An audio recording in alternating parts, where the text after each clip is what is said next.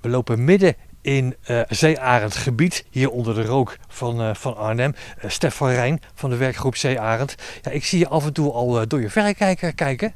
Ja, ik, Komen we in de buurt? Ik, ik, kijk wat rond, ja, want de kans dat we er hier eentje zien is groter dan veel andere plekken. En, nou ja, er zijn hier overal watervogels. Kijk, hier vliegen ook weer wat ganzen langs.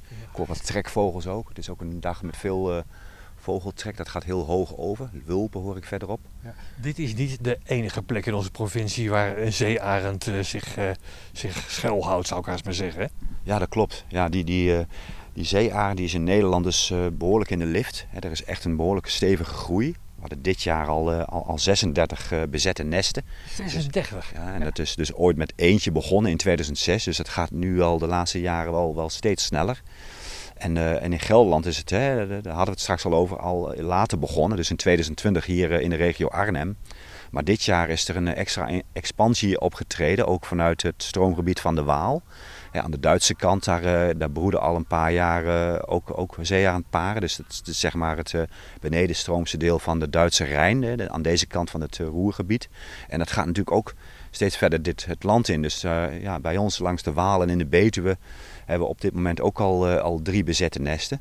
En samen met deze in de, in de regio Arnhem hebben we dus in Gelderland sinds dit jaar al vier nesten. En we voorspellen natuurlijk dat het nog wel even doorgaat. Ja. Hè? Dus, dus hij, hij wordt steeds succesvoller, ook in onze provincie. Hoe ja, komt het nou dat die zeearend de laatste jaren Gelderland, maar eigenlijk heel Nederland, heeft ontdekt?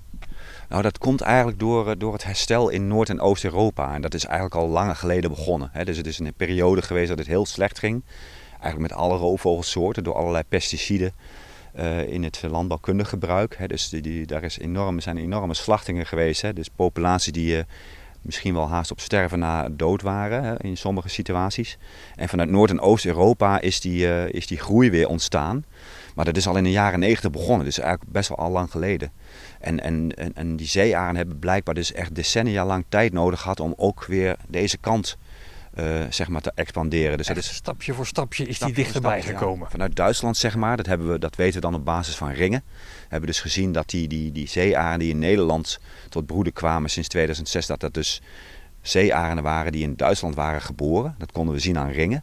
Dus we weten dat uh, ook precies dat het inderdaad een expansie is geweest vanuit Duitsland. En dat, dat schoof steeds verder op naar het westen. En op een gegeven moment ja, maakten ze natuurlijk de stap om ook in Nederland te gaan broeden. En daarmee dus... Uh, is dus eh, Flevoland als eerste gekoloniseerd samen met de Delta en daarna eh, Noord-Nederland. En nu is, ja, is ook Gelderland de beurt. Dus wat we eigenlijk krijgen is dat we in alle waterrijke gebieden, hè, dus in, alle, in het hele rivierengebied ook, ook hè, dus dat is ook Gelderland. Hè, we hebben ook nog het, het dal van de IJssel natuurlijk.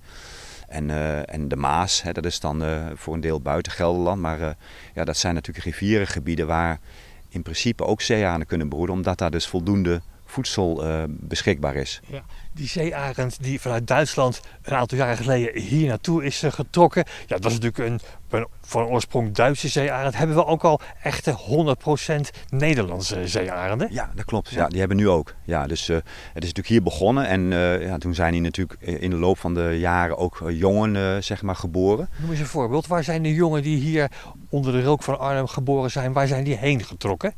Nou, dan weten we van dit nest weten we dat maar van één jong. Hè, dus het, het eerste jong uit 2020. Die hebben we een zender meegegeven voor onderzoek. En die is inderdaad nu, uh, ja, dat kun je berekenen, is nu drie jaar oud. Dus die wordt komend voorjaar vier. Die is dus eigenlijk bijna geslachtsrijp. Maar die is dus al zo ver dat hij uh, al druk bezig is met het zoeken van een partner. En die is op dit moment inderdaad met een partner aan het vestigen. Ook weer uh, in Gelderland. En dat is wel heel grappig, in de Betuwe. En dus we in zien... de Betuwe? Ja. Dat vind ik een echte Gelderse zeearend. Van drie Die hebben we ook, Lisbeth.